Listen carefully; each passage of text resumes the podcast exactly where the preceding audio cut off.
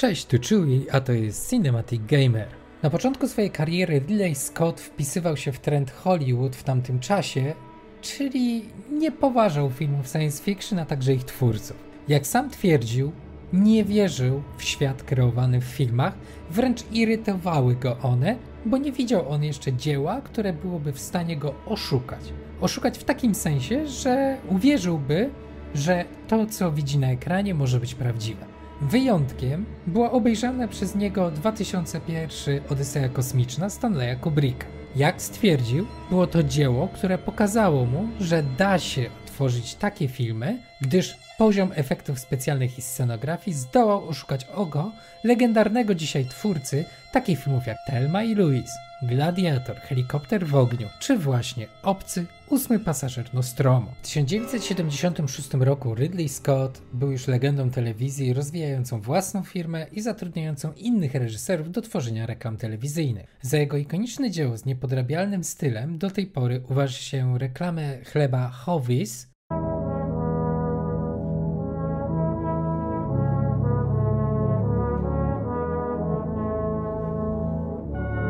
Stop on round to be old Ma Peggerty's place. 'Twas like taking bread to the top of the world. 'Twas a grand ride back though. I knew Baker'd have kettle on and slices of hot ovis ready. Get it inside you, boy, he'd say. You must have gone up that hill as fast as you came down. Hovis, as good today as it's old.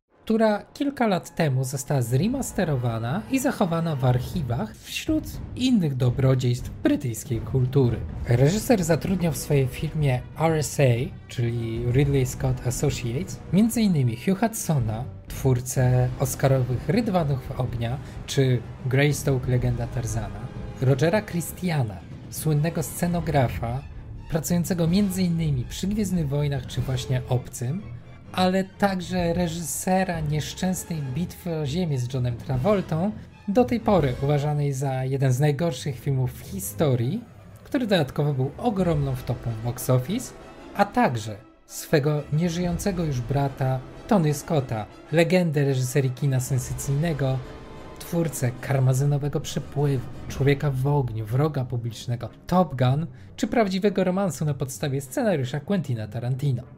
Biznes rozwijał się bardzo prężnie, jednak Ridley Scott nadal nie miał poczucia spełnienia, gdyż bardzo chciał nakręcić swój pierwszy film pełnometrażowy.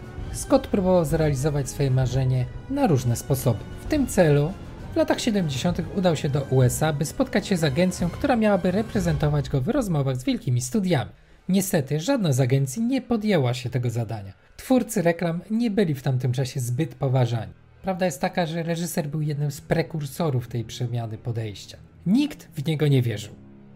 Wiedząc co się dzieje, Ridley Scott zdecydował zainwestować własne pieniądze w kupno scenariusza do filmu Pojedynek autorstwa Geralda Vona Hughesa, będącego opartym na motywach opowiadania Josepha Conrada – po takiej inwestycji udało mu się namówić studio Paramount do wsparcia finansowego projektu. W trakcie postprodukcji reżyser rozpoczął pracę nad kolejnym projektem, będącym historią Tristana i Izoldy. W 1977 roku podczas festiwalu w Cannes premierę miał pojedynek. Film został bardzo gorąco przyjęty, zgarniając nagrodę specjalną dla najlepszego debiutu reżyserskiego oraz nominację do nagrody głównej, czyli Złotej Palmy. Po tak wielkim sukcesie Scott wrócił do Hollywood na spotkanie z włodarzami Paramount w celu omówienia dystrybucji w USA oraz pogadać o przyszłych projektach. Studio wyraziło wstępne zainteresowanie projektem o Tristianie i Izoldzie. Jeden z włodarzy zaproponował również reżyserowi wyprawę do kina na najnowszy film George'a Lucasa, a mianowicie Gwiezdne Wojny. Jak sam reżyser przyznał, dzieło wywaliło go z kapci nie mniej niż prawie dekadę wcześniej 2001 Odyseja Kosmiczna.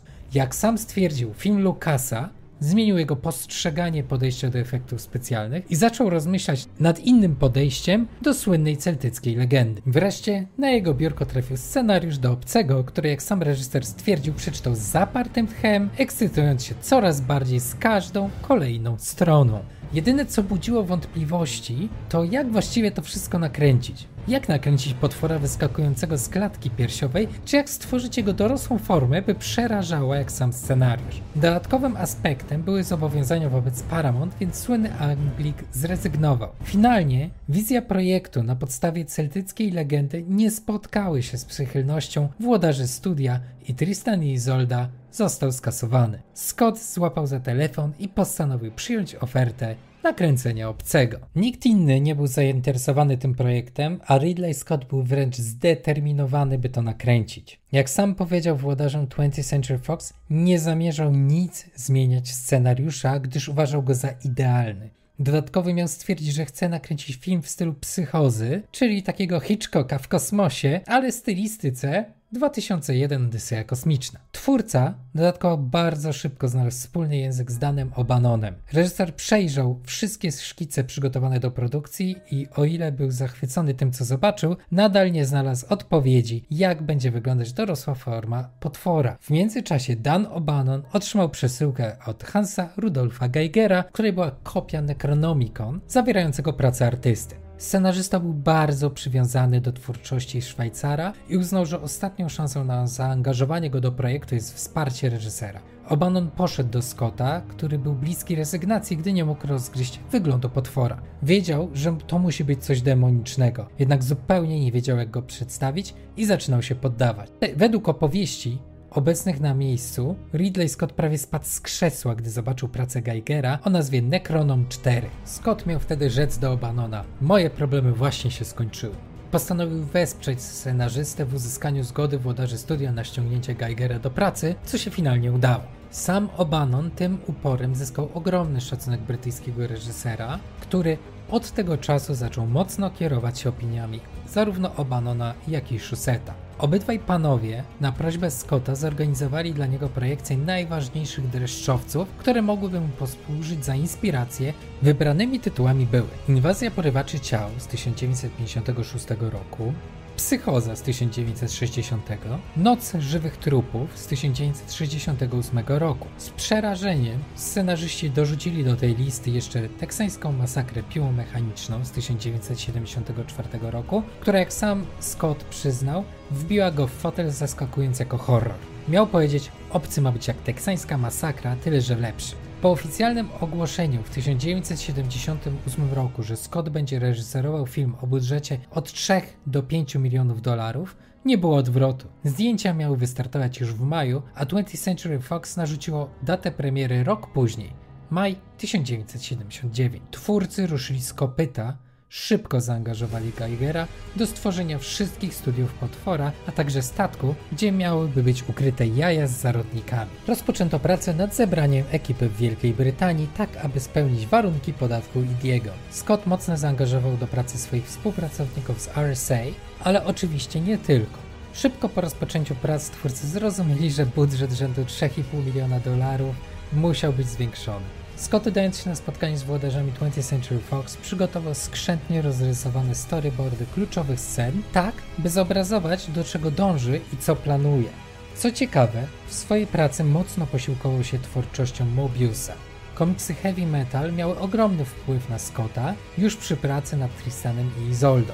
Zresztą Scott chciał, by Mobius zaprojektował skafander dla załogi Nostromo. Scott mocno ubolewał, że całość będzie kręcona w studio. Marzyła mu się praca w plenerze, jednak budżet na to nie pozwalał, w szczególności, że finalnie rozrysowali i mieli do przygotowania 16 planów do kręcenia poszczególnych scen. Do Londynu przyleciał HR Geiger, z którym dalej negocjowano jego kontrakt.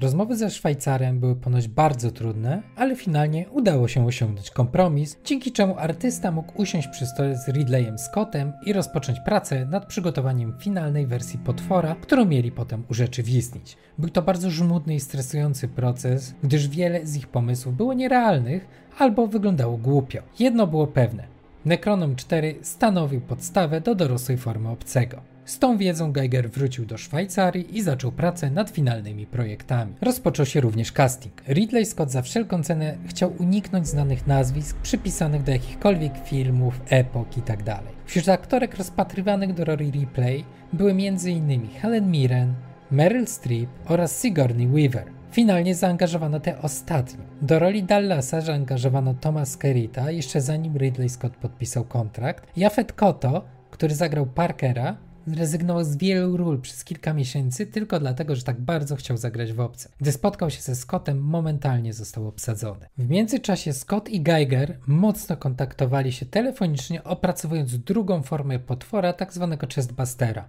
Reżyser jako inspirację zasugerował tryptyk Francisa Bacona z 1944 roku o nazwie Trzy studia postaci na podstawie tematu ukrzyżowania. Geiger uznał te inspiracje za mega sensowne, by skupić się tak naprawdę na zębach tej formy, dzięki czemu potwór mógłby się przebić przez klatkę piersiową człowieka. Plus, w tej wersji pozwalał on sensownie przejść do dorosłej formy. Panowie również dopracowali pierwszą formę, czyli facehagera, który dodatkowo miał mieć ogon, którym owijał się wokół szyi ofiary i dusił ją do utraty przytomności, tak by móc złożyć w niej jaja. 23 marca 1978 roku 20th Century Fox oficjalnie ogłosiło podpisanie kontraktu ze Scottem oraz firmami producenckimi Brandywine i Ronald Shusett Production. Start produkcji przeniesiono na początek lipca 1978 roku, a jako autorów scenariusza oficjalnie wymieniono Waltera Hilla, Davida Gillera oraz Dana O'Banona, którego dotychczas pomijano w oficjalnych komunikatach. Scenariusz był dopracowywany, zwiększono w nim demoniczną rolę Asha, w tej roli późniejszy Bilbo z Władcy Pierścieni, czyli Ian Holm, przenosząc kilka kwestii komputera pokładowego matki właśnie na tę postać. Dodatkowo Scott sam zaproponował, że to korporacja kazała robotowi wybudzić wszystkich, by oszczędzić koszty i za wszelką cenę sprowadzić kosmiczną, inteligentną formę życia na Ziemię. Rozpoczęła się wielka batalia ze studiem o zwiększenie budżetu. Początkowo był on, jak już wspomniałem, na poziomie 3,5 miliona dolarów. Po rozrysowaniu storyboardów oraz rozplanowaniu produkcji, twórcom wyszło, że potrzebują 17 tygodni zdjęć oraz budżetu na poziomie około 13 milionów dolarów. Dla przypomnienia, Gwiezdne Wojny miały kosztować 6 milionów, a finalnie wyceniono je na 11. Ridley Scott nie chciał iść na kompromisy czy półśrodki, tylko wycisnąć ze scenariusza wszystko, co się da w swoim niepodrabialnym stylu. Prezentacja Scotta zrobiła dobre wrażenie przed włodarzami. Ci podwoili budżet i ustalili go na poziomie 8 milionów dolarów oraz zmniejszyli długość planu zdjęciowego do około 13 tygodni.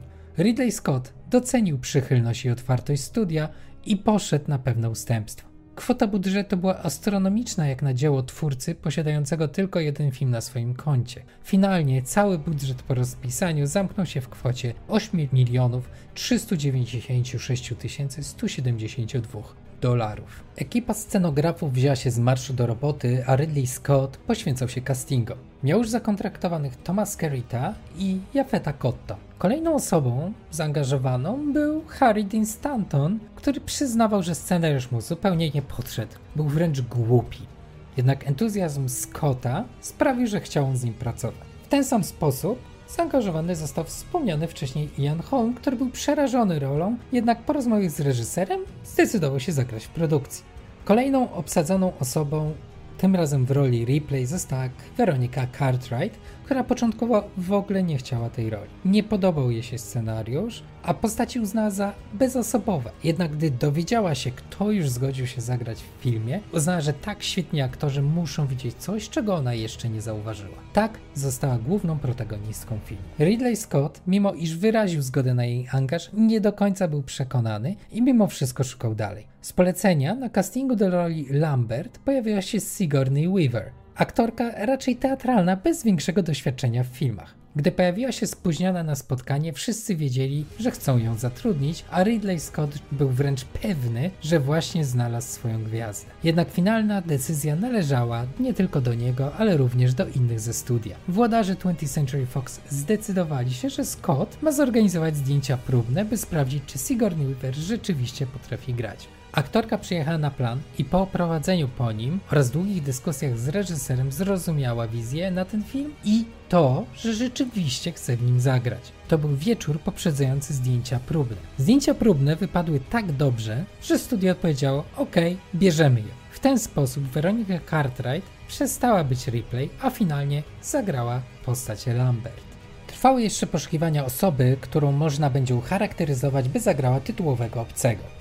Testowano różne rozwiązania, od kobiet, m.in. modelki We Weruszki von Lendorf, gdyż Scott uznał, że obcy mógłby być pojedynkiem dwóch kobiet. Następnie testowano Petera Mayhew, który w Gwiezdnych Wojnach wcielił się w rolę Czubaki. Myślano o różnych sportowcach, głównie koszykarzach. Przełom przyszedł jakiś czas później, gdy przypadkiem jeden z członków ekipy filmowej natknął się w pubie w londyńskim Soho na Bolai Badejo, studenta grafiki z Nigerii. Po szybkim spotkaniu został on zaangażowany do roli. W międzyczasie w ekipie scenografów zachodziły dziwne ruchy czy zmiany. Nagle 10 dni po podpisaniu kontraktu HR Geiger został zwolniony, a na jego miejsce zatrudniono Rogera Dickena, który miał doświadczenie przy filmach, uczestniczył chociażby przy 2001 Odyseja Kosmiczna.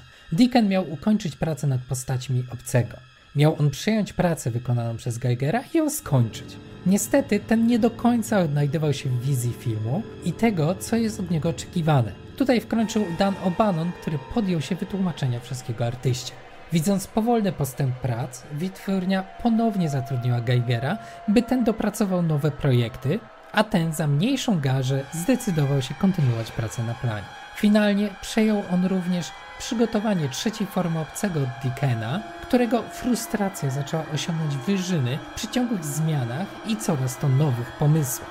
Ciekawostką przy budowaniu scenografii statku Nostromo jest to, że Ridley Scott wraz z Rogerem Christianem pojechali na cmentarzysko samolotów, gdzie kupili wnętrza i kokpity za śmieszne pieniądze. Podobno połowa kokpitu została zrobiona z materiałów kosztujących kilka funtów. Scott był bardzo zadowolony z efektów, gdyż udało mi się stworzyć coś na miarę jego ukochanej 2001 Odyseja Kosmiczna. Scottowi udało się również pozyskać do współpracy Mobiusa, który zaprojektował modele skafandrów załogi. Niestety stawki, jakie mu zaproponowano, nie pozwalały na jego większy udział w projekcie. Prace preprodukcyjne dobiegały końca, a na ich zwieńczenie 20th Century Fox postanowiło pójść reżyserowi na rękę i wydłużyło plan z 13 do 17 tygodni, tak jak on początkowo wnioskował. Rozpoczął się plan zdjęciowy, ale jak to wszystko wyglądało, dowiecie się w kolejnym odcinku. To był Chewie i Cinematic Gamer. Do następnego.